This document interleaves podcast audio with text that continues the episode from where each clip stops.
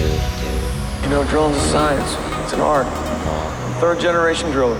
Doing it all my life. And I still haven't got it all figured out. seven, eight, nine, ten. Electric. Här igen! Borgmästarpodden med mig, Johanna Paus Darlington, till vardags redaktör för bitsmagasin.se som ges ut av Epiroc. Och så du, Stefan Lövdahl, Epirocs alldeles egen borgmästare. Tja, tja Johanna. Kul att köra här. Eller hur? Ja. Så himla härligt. Och som om det inte vore nog att ha dig här så Nej. har vi även ytterligare en borriggsguru med oss, Patrik Goliaths. Välkommen tillbaka till Borgmästarpodden Patrik. Tackar, tackar. Hörni, idag blir det frågepodd. Ni ska få svara på de vanligaste frågorna från borrare just nu. Hur känns det? Ja, det känns ju härligt och nu när jag har Patrik med oss så blir det ännu bättre. Det är liksom top notch nu. Top notch. Nu, det är liksom en garanti för att man verkligen får svaren man vill ha. Ja, Känner så. du pressen Patrik? Ja, nu vart det lite jobbigt här. Men det ska nog gå bra det här. Ja, då. du har... Nej, du är bland vänner. Ja, precis. Exakt, precis. Ja, men då kör vi igång då. Yes. Hörrni, jag tycker att vi börjar med en högaktuell fråga. Eh, dieselpriset har ju minst sagt skjutit i höjden på sistone. Något som många i branschen helt säkert känner av ekonomiskt. Vi har dessutom en klimatkris som knappast blir bättre. Och frågan vi har fått lyder hur kör jag så bränslesnålt det bara går? Mm. Ja, men det här är intressant faktiskt för att sen SmartRock dök in och introducerades på marknaden så var det ju faktiskt så att det här var en av de stora grejerna med SmartRock, att man skulle kunna justera varvtalet och köra så bränslesnålt som möjligt. Det ligger ju i tiden nu då. Vi kanske var lite före vår tid en gång i tiden när SmartRock introducerades, men det var ju något man såg då på andra typer av produkter. Att eh, det här med bränslesnåla produkter var, var någonting som vi skulle jobba med. Ja, någonting eh, grönt ska man ju kunna få fram ur maskinen också. Så att man tänker på så mycket som möjligt i alla fall på miljön. Men hur bränslesnålt kan de köra då, smartrockarna? Ja, men det, det blir ju beroende på hur mycket spolluft du behöver använda till exempelvis. Så kommer du reglera varvtalet på en smartrock som gör också att, eh, jag brukar ju säga så här, du ska ha så lite spolluft som du behöver. Men det, det beror ju alldeles på vart det är. vilket Ja, det gäller ju hur van borran är och se hur, vad som händer i hålet också. Kolla på alla tryck och det. Så att, kör man riktigt snålt då kan du ju börja på 30-40% spoluft och sen får man ju öka successivt allt eftersom hålen blir djupare och djupare. Och är det sprickor i berget till exempel, då måste du ha mer spoluft. Och det är ju sånt som en van borrare ser eh, genom att kolla på trycken på manometrarna bland annat. Men ju mer spolluft, desto mer eh, soppa går det. Absolut, så, är det. Och det, det kostar ju att tillverka luft. Det är liksom dyrt att tillverka luft. Komprimerad luft är det dyraste vi kan tillverka och det är ju det som tyvärr behövs mest av när vi borrar. Okej, men hur är det med de andra riggarna då? Alla kör ju inte smartrock. Nej, så är det ju. Men vi har gjort åtgärder på andra riggar också. Just med att dra ner eh, ja, motorvarven på dem för att eh, spara så mycket bränsle som det går. Mm, Okej, men på något sätt så handlar det om eh, kör med bara så mycket spolluft du verkligen behöver och håll koll på det då. Ja, ett minimum av spolluft ska man väl då säga. Och det är ju faktiskt så att om du tittar på en Bergtex-maskin till exempel, du borrar första hålet, ja, eller första stången, då kanske du inte behöver så mycket. Sen kommer det andra, sen lägger du på stänger, sen kan du är uppåt en, neråt, neråt en 30 meter. Och då behöver du ha mer luft för att lyfta upp kaxet. Det krävs ju mer tryck då. då. Och, och egentligen om man skulle dra det till sin spets så skulle ju borrarna kunna reglera spolluften allt utefter vilka stänger eller hur mycket stänger de adderar på. Men det är ju det man som går att göra just på spartrockarna. Då lägger du på lite mer spolluft allt eftersom du kör ner och även dammsugaren kan du öka och sänka Mm. för att kunna bibehålla så lågt varvtal som möjligt på maskin och så lite eh, effektåtgång som möjligt. Och då kan ju även motorn eh, ja, gå ner i varv och, och bibehålla lägre temperaturer. Allting blir ju lägre, så att säga. lägre energi som går ut i tomma intet. Ja, och det är ju inte bara när det är högt eh, dieselpris som man vill göra det här, utan det är ju alltid jämt för att få så bra ekonomi i sin borrning som möjligt. Eller? Ja, både ekonomi och även som sagt, man måste ju tänka även lite grönt i den här branschen. För att om vi ska få fortsätta, annars kommer ju till slut någon sätta stopp för allt som heter dieselmotorer. Precis. Så lite spolluft som möjligt. Vad mer kan man tänka på då? Jag tänker också att man kanske ska undvika att stå så länge i tomgång och sånt. Att man, man stänger av maskinen när man ska gå på rast och, och liknande. Det, finns, det är ju många som gör det också, men det finns också många som inte gör det. Att du låter eh, maskinen stå kvar på tomgång och eh, ja, du har raster eller du står och väntar på någonting. Oavsett om det är varmt eller kallt, du kanske behöver värme i hytten, du kanske vill ha kyla i hytten. Tänk på att ibland kanske det är läge att stänga av maskinen också. Ja, det är ju ett par liter i timmen som går åt bara på tomgång också, så att det är helt klart värt att tänka på. Och det där kan ju vi se. Vi kan ju se det på, i, i våra loggor hur mycket tomgång man har gått. Så att det, fin, det finns ju eh, eh, ett sätt att titta på sånt här. Men är det lite jobbigt att starta upp den igen? Är det därför man låter den stå kvar på? Ja, det, det kan ju vara ett litet eh, meck med det eftersom i vissa produkter så har man det här DES mode som vi kallar det. Alltså delayed en, en, engine shutdown. Alltså att den, den måste gå ett visst, en viss tid innan eh, den stängs av maskinen. Och det är klart att det förhindrar ju också då, ska du stänga av, du måste stå några minuter, ja då helt plötsligt då är det fem minuter kvar på rasten. Ja, sen ska du starta upp allting. Men det är ju ingenting som hindrar om du vet på ungefär vart maskinen är någonstans att du går ifrån maskin heller. Den kan ju faktiskt stå med huvudströmbrytaren på under en timme utan att det är något större problem också. Ja, precis. På de flesta maskiner ska jag säga. Absolut. Om du har färska och fina batterier. Ja, okej, så tomgång och något mer? Eller vad det är? Ja, på de nyare maskinerna så är det ju det att han behöver just inte gå in i det här DES-läget, utan där har du ju en, eh, på TIL 5-maskinerna ska jag säga, då är det ju en eh, lampa som sitter bak vid huvudströmbrytaren. Och så länge den lyser rött får du ju självklart inte slå av. När den har slocknat kan du slå av huvudströmbrytaren, men som sagt, går man bara på en lunchrast så kan du ju även ha datorer och allting på. Det gör ju oftast ingenting. Stäng av alla strömförbrukande lampor och sånt under tiden bara. Ja, det är nyare maskiner med den så kallade steg 5-motorn. Ja, precis. Ja, Är vi nöjda då, så eller? Ja, Ja, Ja. Hörni, då kör vi vidare då här i frågeprogrammet. Här kommer en fråga som vi har fått in via Instakontot Epiroc eh, Sverige. Hej Patrik och Stefan! Ni har precis döpt om era borrmaskiner från till exempel 2540 till vad står de här beteckningarna för? Ja, SC står ju för Surface Construction. 25 står för kilowatt som maskinerna levererar och HF står för High Frequency. Står det istället HE på slutet, ja då är det Surface Construction 25 kilowatt men High eh, Energy. Så den har ju lägre frekvens men hårdare slag energi istället. Och det är ju den vi kallade förut för 2560. Och är det till exempel en SE19, det var ju den vi kallade förut för 1840. Och då är det Surface Construction 19 kilowatt bara. Ja, gud, jag blir alldeles snurrig här av alla siffror och förkortningar. Men ni har ändrat färg också, eller hur? Svart till grått? Ja, precis. Eh, I samband med färgbytet där och även namnbytet så vart det ju längre serviceintervall. Och det gick ju från 2540 plus till exempel. De hade ju 600 timmars serviceintervall. Eh, och nu när det vart SE25HF så vart det ju då 800 timmars serviceintervall på slagverkstimmar. det blir ju lite förvirrande för oss alla i det här när vi Ja, döper om saker. Absolut. För att man är gammal, alltså man ska vara lite försiktig med när man döper om saker för att det blir så inpräntat hos människor de här 25, 40, 25, 16, 18, 40, 16, 40.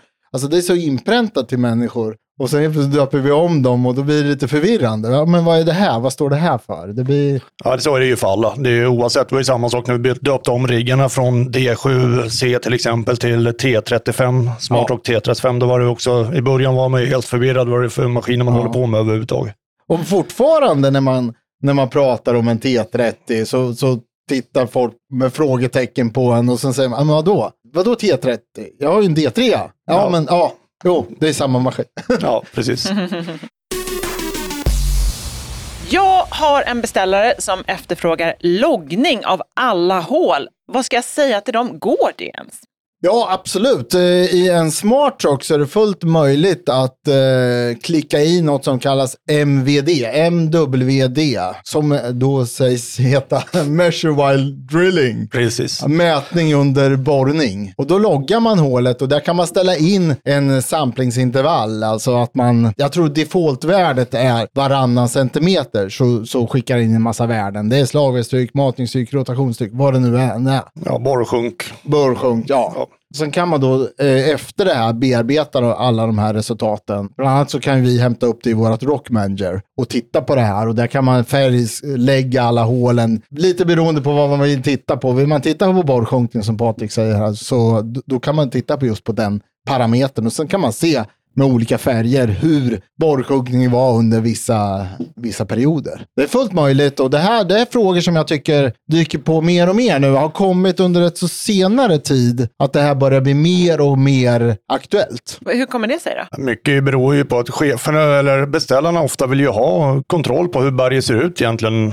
under och hur mycket, om det är mjukare eller uh, hårdare, hur mycket sprängämnen som behövs och så vidare. Sprängarna vill ju ofta ha reda på om det är någon sand, sand eller lerlager mitt i berget. För då vet de, kommer ju trycket gå ut en del från sprängningen där. Så att de vill ju också ha reda på så att de kan finfördela berget så mycket det går utan att behöva använda krossanläggningar. Det är ju det det handlar om. Mer effektivitet och mer noggrannhet då? Det finns ju även när man tittar på de här loggarna så skulle man i princip kunna se skiftningar i berget samtidigt. Ja, Om man tittar det- på en, en större täkt eller något sånt där man har gjort eh, en hel del hål i så skulle man nog kunna utläsa hur bergstrukturen ser ut.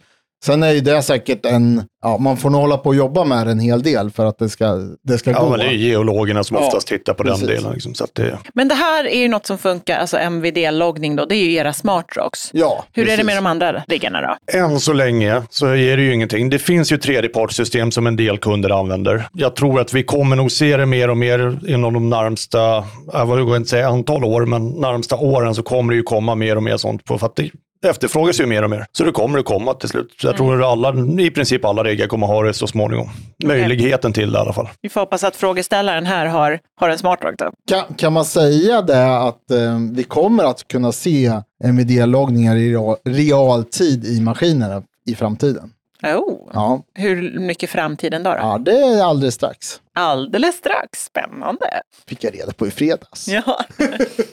Hörni, vi kör på. Här kommer en fråga som vi fick på mejlen. Eh, borrmastare.epirocsverige.se Hej! När jag startar min radiolåda så kommer det upp en nolla i nedre vänstra hörnet på displayen. Vad är det? Ja, det egentligen betyder ju bara att du inte har något problem med radiolådan. Eh, får du upp någon siffra där, eh, till exempel 42 eller 43 eller för den delen 62 eller 63, då har du problem antingen höger eller vänster joystick. Nu om jag kommer ihåg rätt så tror jag 42 62 är vänstra och 43 och 63 är högra joysticken. Men ja, det finns en lista som man kan, det finns ju ett x antal hundra olika felkoder som kan vara från radiolådan. Och beroende på om det står till exempel 42 eller 62, det är det att i lådan så har du två olika datorsystem egentligen. Och det är datorsystem som känner av felet. Det är den som kommer ge loggen då och det är 40 eller 60 då. Om man får in en fråga om radiolådor så brukar jag alltid nämna det. Det. Det sitter en liten siffra där. Vad står det någonting där? Och i de flesta fall så är det nolla när du startar upp för allting är okej då. Men det brukar jag rekommendera folk om de ringer och säger det är något fel på radiolådan. Så då brukar jag säga, men du, när du startar upp, står det någon siffra eller inte? Okej, men det kan stå ett gäng andra siffror också. Absolut, än de här. beroende på vad det är för fel som datasystemet själv upptäcker i radiolådan. Så Okej. kommer du kan ja, få upp om det är åkpaddlar eller om det är någon switch som ligger på, som ja, ligger kortsluter då, så att inte radiolådan känner av att allting är okej att starta upp. Och har du en felkod förutom noll där, då kommer den inte tillåta uppstart heller. Så att det kan ju vara värt att hålla koll på det. bara. Men som sagt, den, det finns ju koder så det är bara att ringa om tekniker på Eprox så kommer de ju kunna hjälpa dig vilket fel det är. Mm. Men noll är bra. Noll är bra. Yes. Ge- Generellt på en radiolåda kan jag ju säga, det, det brukar vara batterierna. Okej. Ja, generellt. Då har man inte tillräckligt laddat batterierna tillräckligt mycket. Eh, eller ja, något annat runt batterierna. Men det, det är väl till 80% någonting med någon, någon batterigrej skulle jag Ja, säga. har du problem att den startar upp så Ja. börja med byt batteri. Ja. Och det kan vara lite lurigt också att se. Vi, vi har ju en batteriindikator på, på radiolådan eh, som kanske inte riktigt är sådär, vad ska man säga? Det kan vara svårt att se och hur mycket batteri det är Den kvar. kalibrerar ungefär som en iPhone. Det är Ja. fullt eller är det tomt. Ja, Eller en Galaxy. ja. Och apropå batterier som strular eh, och laddning av dem. Hej Borgmästarpodden! Om mina batterier på radiolådan är urladdade, går det fortfarande att använda dem, fast med kabel? Absolut, du behöver inte ha batterier i våran låda för att kunna köra den med kabel. Så att eh, det är fullt möjligt att göra det. Det enda man ska tänka på är att när du väl har laddat dina batterier, då måste du ta bort den där kabeln. Och du måste ta bort den från både radiolådan och från mottagaren då. Varför då? Jo, för att då kan det bli problem sen. Eh, jag har varit med om det några gånger, att man, ja, man har slarvat lite. Man har bara tagit bort kabeln från själva radiolådan och tyckt att allting är frid och fröjd. Men det har inte gått något bra. Alltså den, den kommer, du kommer inte kunna köra maskinen med kabeln fortfarande kvar i mottagaren. Du kommer aldrig kunna koppla upp radiolådan egentligen. Den, eh, det är någon brygga i kabeln som känner av att nu har kabeln inkopplad och nu är kabeln urkopplad. Ja. Så att, Så att, och det är att tänka på, för det har dykt på också vid några tillfällen. Att man har kört med kabel, sen är lådan okej igen och sen har man inte kunnat koppla upp lådan och undrar vad det är för fel. Och man kan hålla på hur länge som helst och försöka felsöka det här och sen är det ett sånt enkelt fel så man, är, man har helt enkelt inte kopplat bort den där kabeln ifrån mottagaren. Bra grej att eh, komma ihåg, låter det Ja, som. precis. Jag tror inte jag har varit med om det i Sverige, men det kanske du har Patrik. Ja, det är nog bara vid ett tillfälle, men det var det faktiskt när vi skulle programmera en ny, eller en eh, låneradio. Där Ja. kunden kört med kabel då på sin gamla radio. Och så skulle vi försöka programmera den och då var det ju Kalle Anka, eller det gick ju till slut, men vi fick, ju- höll på i säkert två timmar innan vi fattade att det var någonting som var annat som var stökar. Mm, det där är ett typexempel att det blir just så. Jag hade ju ett case i USA där, där man hade svårt att som Patrik koppla upp en sån här låda. Jag sa det som det var, eh, men det är säkert kabeln, bla bla bla. Och de bara, de tillbaka till mig och tyckte att jag var en riktig skitstövel i princip. Du, det fattar du väl? Att det där har vi väl gjort. Och sen efter ett par dagar så fick jag tillbaka från den här killen. Då sa han, Stefan, we suck. Så då hade de fortfarande kabeln i. Mm. I told you so, sa du då. Typ. Typ. Eh, Man ska aldrig bli för självgod i den här branschen. Då Nej, det- verkligen. då Det får man fort. tillbaka. Absolut. Då borrar man sitt eget hål, så att Ja, säga. precis. Oj, oj, oj. Här har vi en fråga som jag misstänker att ni kommer tycka är jättesvår att svara på, men vi kör på den ändå. Hej! Jag har svårt att få till borrningen. Många gånger går det varmt och det sliter något fruktansvärt på grejerna. Vad ska jag göra? Ja, det här är ju en komplex fråga.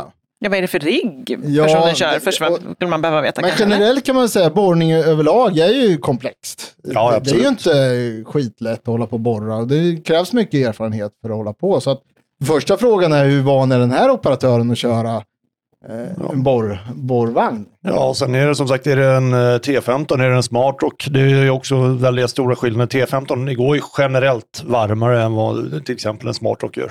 Ja. Hur kommer det sig då? Det är mycket att i borrmaskin så har du ingen dämpfunktion. Du har ingenting som kan ta upp eh, re- returslagen som kommer upp i nacken. Så att de går ju rätt innan nacken och sen blir det varmgång. Och det är den stora anledningen i alla fall. Mm. Och sen kedjemat. Men det är...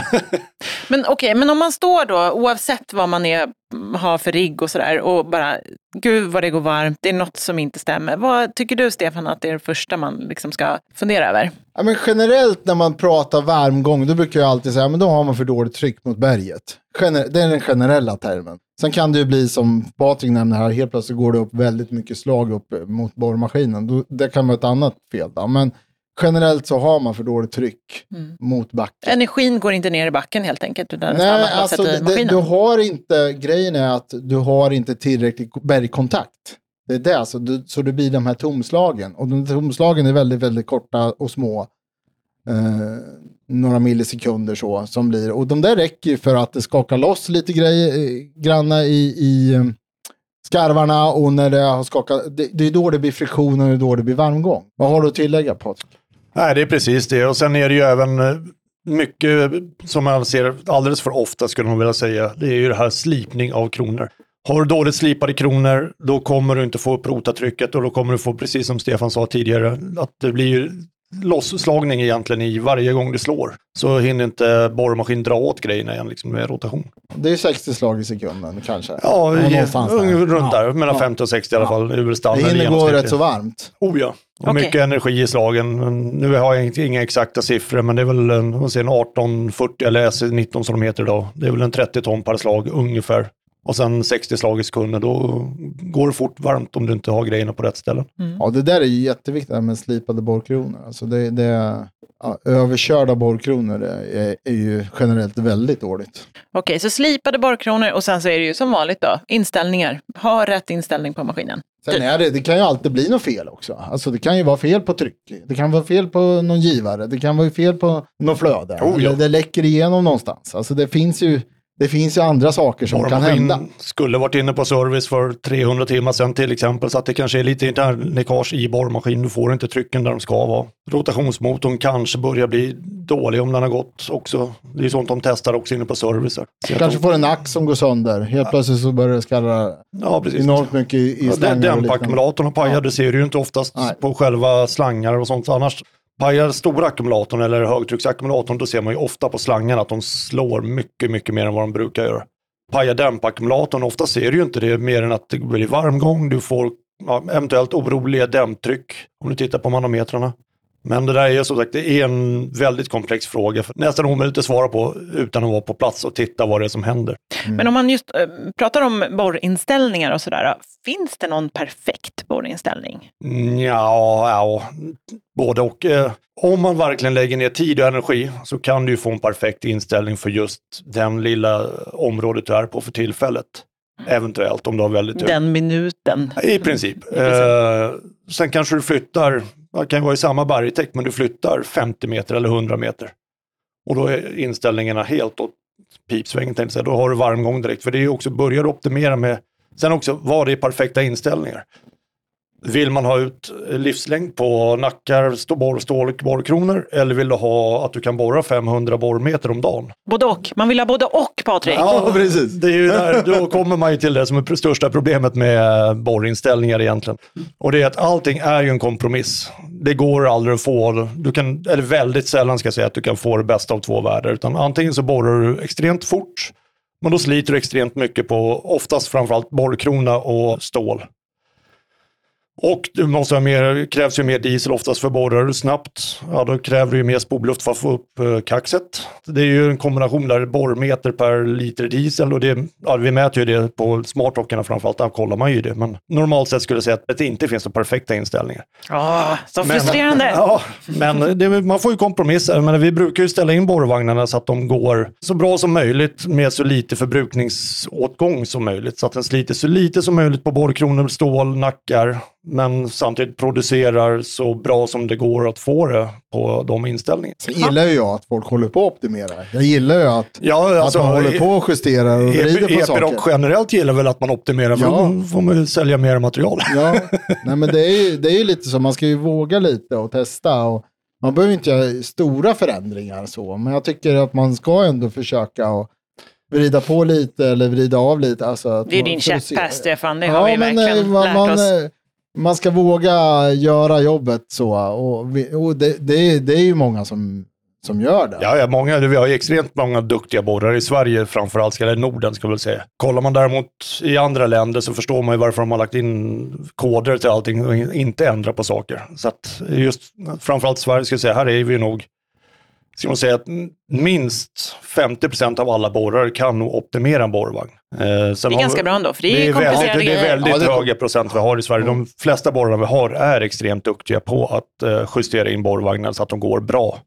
Jag undrar om alla de här duktiga borrarna där ute som är såna här fantastiska kompromissare, om de är bra på det i övriga livet också.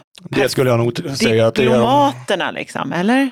Ja, diplomatisk vet jag inte kanske, men de är nog bra på att kompromissa ihop alla jobb som... eh, Ja, det finns ju många borrare som sagt, de gör ju, ligger ju borta hela veckorna och sen kommer de hem och så ska de helt plötsligt vara mammor och pappor liksom i eh, en vecka. Eller över helgen där, beroende på hur de jobbar. Så det är, de är nog bra på att kompromissa ihop det mesta skulle jag nog säga. Du tror det? Ja. Ja, det spiller över lite. Vad tror du, Stefan? Ska man, Nej, du tror ska man, inte det. Ska man vara diplomatisk eller? Nej, ja det, kan, det kanske är så. Jag vet inte. Ja, jag kan ja, inte svara på det. Okej då, vi kollar på Let's Dance då, men bara om jag får älgstek till middag. Precis. Ja. Chips på sån öl så Ja. är alla nöjda. Eh, Nu kommer en fråga som jag faktiskt också har funderat över. Eh, trot eller ej, eh, vad är skillnaden mellan en topphammare och en kopprod? ja, den är intressant. Kopprod används ju inte så mycket i Sverige, men vi har ändå några maskiner som, som har kopprod. Annars så är det ju topphammar vi kör i Sverige. Ja, i alla fall Mellansverige. Uppe i norr så kör de ju D65 och sådär. Men Ja. det är nog för att det är enkelheten framför allt. ja, då är det lite sänkborrning också. Ja, Men- sänk men, bara hammare, eh, precis. Men, eh, ja, men skillnaden mellan eh, topphammer kopplad, om vi nu säger sänkborrning, är väl någon kombination av alla de delarna, eller hur? Ja, man har tagit det bästa av två världar egentligen. Topphammarens produktionshastighet, om man nu säger så, och eh, även förhållandevis liten dieselförbrukning. Med eh, ja, sänkborrhammarens rakstyvhet, om man säger så, att det blir raka hål. Ja, Det väl- och det man har gjort egentligen är att man separerar slaget och rotation. Ja, i princip i varje stång så har du ju en slagkolv som fortsätter. Så att istället för att ha en slagkolv som ska slå på eh, hela strängen ner, så har du en slagkolv som fortsätter i, inom, eller i rör ska man väl säga då. Ja, och då slipper man ju de här skarvarna som man har i en vanlig topphammare, som vi pratar om, det här friktionen och varmgång och sånt där. Det, Ja, det finns ju inte och du förlorar ju även slagenergi i varje sån där Precis. skarv. På en färsk stång, om man säger så, med säg T51 till exempel. Där förlorar du ju ungefär 2% i varje skarv när den är ny och fin. Efter att du har borrat x antal tusen meter, då kan du vara uppe mot 5% energiförlust i varje skarv. Men en kopprod, då har du ju slagkolven går ju raka vägen ner till eh, kronan. Ja. Så att du har ju mindre energiförlust också på vägen ner. Lite skillnad här. eh, För en kopprad så är det ju lite jobbigare om det blir tomslag, ska vi säga, än vad det Ja. blir för en topphammare. Även om det är jobbigt för en topphammare med, så är det nästan eh, förödande för en kopprad. Man får inte ha några tomgång hos en kopprad, kan man säga. Så då styr vi väldigt mycket det här med att det eh, saknar vi lite dämpartryck. Då kommer vi stänga av slaget på en kopprad jättesnabbt. Ja. Vi kan göra det även på topphammare, men framförallt kopprad, där, där är det jätteviktigt. Och det är ju dyrt. Precis. Det är, slår sönder saker på en kopprod då kostar det pengar. Det är, det är inte som att åka och köpa nya stål på en uh, ja, smartrock till exempel. Nej. Ja, för och nackdelar låter det som. Ja, absolut. Så är det. Hej Stefan och Patrik! Under jord så har man kört med el i många herrans år. När kommer den första elektrifierade borrvagnen ovan jord? Alltså det här är ju himla spännande måste jag säga. När kommer egentligen den första elriggen för ovanjordsproduktion? Ja, om man säger rent produktionsborrning så tror jag att vi kommer nog få vänta väldigt länge på det. Det är ju för att borrvagnar är ju bland de första på plats för att bygga infrastruktur för att till exempel kunna dra elledningar fram. Men det finns ingen el helt enkelt. Nej, det är ju det som är största bekymret egentligen. Sen är det det att när du klättrar på berget och sånt där, lite lättare underjorda har de ju liksom raka fina gångar ofta. De har eluttag, sitter på lämpliga avstånd från eh, maskinerna. Och ovan jord så är det, ska du börja klättra över berget med en elkabel som hänger och dinglar någonstans, så kommer ju sluta med att du kör över kabeln lite då och då. Så att jag tror att det, batteridrivna kanske kommer någon gång i framtiden, men det är ju samma sak där. Du måste ju likförbannat ha något, någonstans att koppla in den där borrvagnen på kvällen. Just det, precis. Och är du till exempel bygger vindkraftparker som det vi har mycket nu i Sverige, då är det ju långt till närmsta elstolpe, det kan jag säga. Det och då står det ju ändå ett dieselaggregat och brummar på natten eller någonting sånt. Då har man förlorat lite av poängen med att ja, köra el om man säger så. Det krävs ju enorma batterier för att, att köra en hel dag Ja, ja, ja. eh, på berget. Ja, ja, det är bara att kolla den som en T15 till exempel. Den kräver ju, för att kunna orka leverera luft till och hydraultryck och det, och det är ändå en liten maskin, den kräver ju 60 hästkrafter. Det går ju åt mycket energi. Ska du då ha till exempel en uh, smart och ja, då måste du upp mot en över 200 hästkrafter. Det är stora elmotorer som krävs då. Då är det ju, börjar man ju titta under jord, det ska du gärna ha, ja, typ som de kör idag, då, 1000 volt system och så vidare. Det krävs ju mycket eh, utveckling av batterier för att få plats med dem på en normal stor borrvagn. Då. Ja, det låter som att vi är en bit bort, verkligen. Men hur är det med de andra olika mm, bränslena som är ändå på gång, liksom, eller som finns redan? Biogas och vätgas, vad vet jag? Ja, säg det. Ja, där har jag inte uh, koll alls på hur vi ligger till utvecklingsmässigt, det måste jag tyvärr säga. Vi kan Eh, ju allt! Det, kom, kom, det finns ju knappt på bilar längre. Nej, Eller- precis. Men jag vet ju att det, är ju några som har byggt om sina borrvagnar till el, men det är ju framförallt, då använder ju de dem ofta i tunnelprojekt. Ja. Där det redan finns el framdragen och sånt där. Så att, Ja, sen kreativ. vet jag ju också att de tittar ju lite på det, till exempel på D65-erna. Att kunna dra fram, eh, koppla in, kanske inte att de drar fram el just till borrvagnen, men att de har, kanske har en extern kompressor och så vidare. Att de har en eldriven kompressor ståendes i närheten av eh, D65. Då. Det var en nyhet för mig också. Ja, de- tittar på det, men sen om det kommer komma till verkligheten, jag vet att kunder har efterfrågat det. Två stycken. Jag vet ju att vi kör ju ovan jord och el. Uppe i, uppe i Itix så gör man ju det på de stora pit viperna. Precis, och det är ju Och det samma... är ju elkablar som är grova som... Ja, det är ju 1000 volt de kör där på dem. precis. Men det krävs ju lite infrastruktur för att klara det här ovan jord. Så Oh, är ja. det ju. Det är helt krävs- klart. Men då, kanske, då låter det som att det kanske snarare inom en stor del av ovanjordsproduktionen går mot att försöka göra maskinerna ännu mera energieffektiva. Kanske, kanske att man använder någon slags eh, annan Hybridlösning typ av, eller någon hybridlösning eller någon annan typ av... Ja. Nej, men vi är nog inte så långt borta för att komma någonstans här heller. Så det tror jag inte. Vi får se. Framtiden får utvisa detta. Och det är ju även en kostnadseffektiv lösning också. Ja, Som dieseln kostar idag så är det ju jävligt effektivt att köra på el kontra diesel. Så det... Hej, hej! Jag funderar på det här med ljuddämpning. Hur mycket dämpar det egentligen och vad finns det för fördelar och nackdelar? Eh, ja, men vi säger ju då att vi dämpar med 10 decibel och det är en sån här 10 potensfaktor eller något sånt där med decibel. Så att det är verkligen det är en låg, det blir en låg ljudnivå. Ja, det är ju nästan tystare framme i borrmaskinen vad det är står bak vid motorn när det har stängda luckor på en ljuddämpare. Så Det är det, ganska bra. Alltså. det är väldigt bra. Och för det blir lite så när man kommer till en ljuddämpad maskin så funderar man på, borra, borrar de överhuvudtaget? Står Ja, de still? precis. Varför står de still just nu? Och sen kommer man närmare och då bara, men du, nej, det låter ju faktiskt. Sen vet jag bland de första ljuddämparna, det var jag tror att det var någon norrman som satt i en bergtäkt då som hade det. Bland de tidiga, innan det ett T35 och så vidare. Och Var han, med för hans egen skull liksom. ja, han hade det bara, han sa han var ju så mycket piggare när han kom hem för att slippa det här dånet. Det var en helt annan resonans liksom, så det slapp mycket av oljudet. Mm. Även fast han satt i hytt. Ja, och det, det vet ju, det är ju en hälsorisk att sitta i buller. Ja, ja, Ja, ja. ja. Han var mycket piggare i hjärnan och orkade med mycket mer när han kom hem på Ja. kvällarna. Så han var ju supernöjd över den här ljuddämparen. Men jag tror att det är ju borrarens vardag någonstans vi pratar om och ha en bra miljö runt sig. Ja, och sen är det ju, kollar man in i, i alla fall i Stockholm just nu, så är det nog nästan alla beställare kräver mer eller mindre att det ska vara ljuddämpare så fort du är inom tät- tätbebyggt område. Så att det blir mer och mer krav på det också för att störa omgivningen så lite som möjligt. Ja, och sen ty- jag, jag tycker det finns säkerhetsaspekter i ljuddämparen också. Absolut. Att, att, eh, många gånger när det blir ett större läckage och sånt så är det ju runt borrmaskinen vi pratar. Alltså, det blir någonting och det blir ett stort sprut över hela maskinen och allting. Men har du det inkapslat så, så blir det lite mer kontrollerat där inne. fall. Nackdelen är att man ser det ju inte lika fort. Nej, man ser det inte lika fort. Men likväl, så, och skulle du vara där ute och stå och slipa borrkronor och liknande, det går en slang eller vad det nu är, då slipper du få grejerna på den då. Absolut. Så Stor att, fördel. Stor fördel med det också. Så att eh, operatörerna är ju ute lite titt som tätt och tittar till maskiner och liknande. Och Det är lite skönt att gå runt och inte ha det här höga ljudnivån alltså. Verkligen. Många fördelar är det ju helt klart. Sen har jag fått höra då då att det är, många upplever att det är lite mäckigare. Liksom. Lite Ja, svårare men att det komma är åt. och sådär. lite svårare att komma åt. Böker byta glidskenor istället för, om man säger normalt sett att det kanske tar 4-5 timmar att byta glidskenor. Ja, men då tar det ju kanske lite över en dag för att du måste bort med en hel del av ljuddämparluckorna för att ens komma åt glidskenor. Det är lite Så att- svårare att komma åt, eh, så är det ju. Ja, det är svårare, men att det komma är, åt. Och det är ju tyvärr det tråkiga med ljuddämpare. Ja. Hade det varit optimalt, så jag vet ju många kunder klagar över det i början när de har ljuddämpare. Ja, det är så jävla svårt att komma åt och det är ditten och datten. Jo, men kolla fördelarna istället. Stå inte bara och titta på det, det som är jobbigt. Man har bara ett liv, en hjärna, Sen, sen är det ju bara att kolla bilar. Jämför med dem. Jämför en 70-talsbil, ja, men då kunde du hoppa ner bredvid motorn och sätta dig och skruva. Idag kommer du inte ens ner med en hand bredvid för att det är så mycket mer grejer man trycker ner. Ja, det blir ju lite tyvärr samma sak med ljuddämpare. Man förbättrar en sak, men det blir ju på bekostnad av servicevänligheten ofta.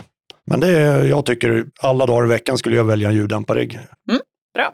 Alltså, Pew, det var ganska många frågor här känner jag. Absolut, det känns Eh. som att det varit långt det här. Ja, precis. Är det här frågor som ni brukar få eller var det liksom massor med specialare nu? Äh, Nej, det är, det är en av mängden av alla frågor man får på berget. Det finns ju, jag menar lika många borrar så lika många frågor får man ju. Så att, Vi kan nog fylla många avsnitt om det skulle vara så. Absolut. Med massa frågor. Det är ju bara Det är bara att skicka in. in och... Kör via vår Epiroc Sverige på Instagram eller eh, Ja. så kan man mejla till borrmastara.epirocsverige.se alltså. Hörrni, nu ska vi ta och hoppa vidare till nästa punkt på programmet, nämligen slutord från berget.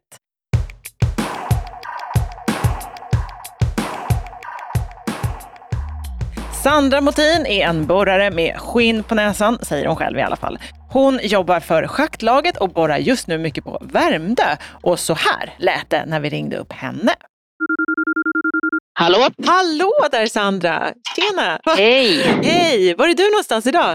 Eh, idag är jag i Nacka. Just nu står jag och putsar borrvagnar faktiskt. Ah, det ska också göras. Tvätta och fetta, det brukar Patrik Oliats på Epiroc säga. Tvätta och fetta eller kanske fetta först och tvätta sen. Ja, just det. Det är väl kanske bäst. Ja. Ja. Hörru du, varför, varför är du borrare? Hur kommer det sig? Jag pluggade ju till eh, anläggningsingenjör och sen så gjorde jag min praktik på Peab på Norra länken och där sprängdes det ju mycket. Och då kände Så- du att jäklar i min låtar, det där vill jag också göra. Eller? Det verkade jättekul så att då fick jag hänga med spränggänget där ett bra tag och- och märkte att det var mer min grej det än att sitta inne på kontoret. Och idag då? Kör du både borrning och sprängning idag då, eller? Ja, både och. Det roligaste är ju att ha variation så att man både borrar och spränger och ibland så spräcker vi berg så det, det är väldigt varierande. Men eh, min nisch kanske är mest lite så försiktig sprängning och lite mer Finlirssprängning. Ja, lite liksom. så. Fingertoppskänsla. Vad tycker du är största utmaningen med jobbet då, generellt? Det är väl att det är tungt. Å andra sidan får man ju mycket hjälp av både maskiner och eh, killar brukar vara ganska hjälpsamma. Om man spelar, spelar en dam i nöd så får man mycket hjälp. Hjälp, Ja. hjälp mig, jag behöver hjälp här. Är det? Nej, det ska jag nog inte påstå. Du, vad skulle du säga är bäst att ha som borrare? Smedshänder eller skinn på näsan? Skinn på näsan, helt klart. Du, den kommer utan Ja, tvekan. ja, dels för att det är svårt att få ordning på gubbarna. Har man själv ansvaret så vill man ju att man ska få den hjälp man behöver. Och det kan ju ibland vara svårt. Så att det är skinn på näsan. Och sen när jag började, det var ju ett antal år sedan, då gick jag ju med, med den här generationen som har gått i pension nu. Och de var ganska tuffa. Var det så? Var det lite andra tongångar på den tiden? oh ja, eller? det var det. Sen fanns det ju såklart jättemycket bra gubbar också. Det är inte så, men det var mycket det här att man fick försöka bevisa om och om igen att man klarar av jobbet. Alltså, nu låter det ju som att du är 100 år gammal, men det är du ju inte. Du är väl bara i 30-årsåldern, eller? Ja, 34. Ja. Så att, eh, nej, jag är väl ingen jättegammal tant, inte än. Vem skulle du säga att du är i arbetsgänget då? Charmtrollet. Nej, men oftast så är jag väldigt positiv och glad. Man, man ska ha roligt på jobbet och kunna skämta och inte ta saker på så stort allvar. Ha, vad har du helst i matlådan då? Jag kör mycket sallad. Så, nej, men grillad kyckling, sallad, enkelt och gott. Det var någon som, någon som jag intervjuade som sa kallt i lådan och varmt i termosen. Ja. Det är så. Det är liksom så man ska jobba. Ja, ja men faktiskt. Det stämmer. Du, vad, heter, vad heter riggen? Riggen heter Häxan, som föraren. Kallas du för häxan? Ja, jag gör ju det. Jag har ett annat smeknamn också, men den kommer väl inte fram lika ofta. Bergskexet. Bergskexet. Japp, det är lite mer smickrande Ja. då. Men jag vet inte om det där med häxan är mest för att avskräcka från början så att man får som man det, vill. kanske, det kanske ändå var ganska bra att bli kallad för häxan. Vad är häxan för typ av rigg? Det är en eh, D3. Okej. Lagom stor. Har ni en bra relation, du och häxan? Ja, men det tycker jag. Vad gör du helst på fritiden då? Det blir mycket att fixa hemma. Jag har tre katter. Så det blir mycket med katterna och, och pyssla och träffa vänner. Du, hur länge kommer du jobba med berg, tror du? Ja, så länge jag lever höll jag på att säga, men jag kanske vill gå i pension någon gång också. Ja, jag har inte tänkt att hålla på med något annat. Du har hittat din grej. Ja, det har jag. Vad är det som är så härligt? Jag vet inte, det är väl, man träffar jättemycket roligt folk. Det är väldigt fritt arbete. Visst att man får jobba utomhus. Det är ju inte jätteroligt på vintrarna dock, eller regniga dagar, men slår man ut det på ett år så är det ju helt klart ute man vill jobba. Ja. Får man en skön bränna? Ja, man brukar vara brun redan i april just från halsen och uppåt. Till resten så blir lite svårt. Jag har en så kallad operatörsbränna. Ja, visst är det snyggt. Sandra, tusen tack för att du ville prata lite med oss. Det var så lite så. Och Jätteroligt. fortsätta putsa på häxan nu då. Det ska jag göra. Ja, Stefan och Patrik, vad säger ni? Vad är viktigast att ha på berget? Är det skinn på näsan eller smedshänder? Både och eller? Eh, Ja, både och. men du jag ska ju välja. Måste du välja eller? Ja. Ja, eh, skinn på näsan, man ska säga, det är ju en lite sarkastisk humor många gånger ute på berg. Och jag tror tyvärr så tjej så gäller det nog lite extra skinn på näsan. Och att klara av att ta de här eh, skämten som kommer. För det är, även om det har blivit otroligt mycket bättre de sista säga, 15 åren så är det ju lite, det är lite en viss jargong ute på berget i vissa kojor fortfarande. Lite hårt? Lite eller? hård, ja, lite hård jargong. Hårt det är med lite, hjärtligt. Ja, hårt precis. Hårt med hjärtligt. Det är, men det är väldigt mycket sarkasm skulle jag nog säga. Att det man skämtar lite om varandra och tack vare också att det kommit in mycket mer tjejer på berget så har det blivit lite mer human humor om man nu kan säga så. Okej, ja, ja, okej. så skinn på näsan kanske ändå är, är bra. Det finns ju handskar, tänker jag, om man har mjuka händer. Ja. Hörni, tusen, tusen tack för att ni var med idag och svarade på frågor. Och tack till er som frågat och tack till er som lyssnat också förstås. Har ni mer ni vill veta, som sagt, hör av er till borrmastare epirocsverige.se så kanske det blir fler frågepoddar, vem vet? Och just det, vill ni läsa mer om Sandra Motin så kan man göra det på bitsmagasin.se. Där finns det massor av annat göttigt också för er som borrar i berg. Ha det fint allihopa, borra lugnt nu. Hej då! Hej då! Hej då!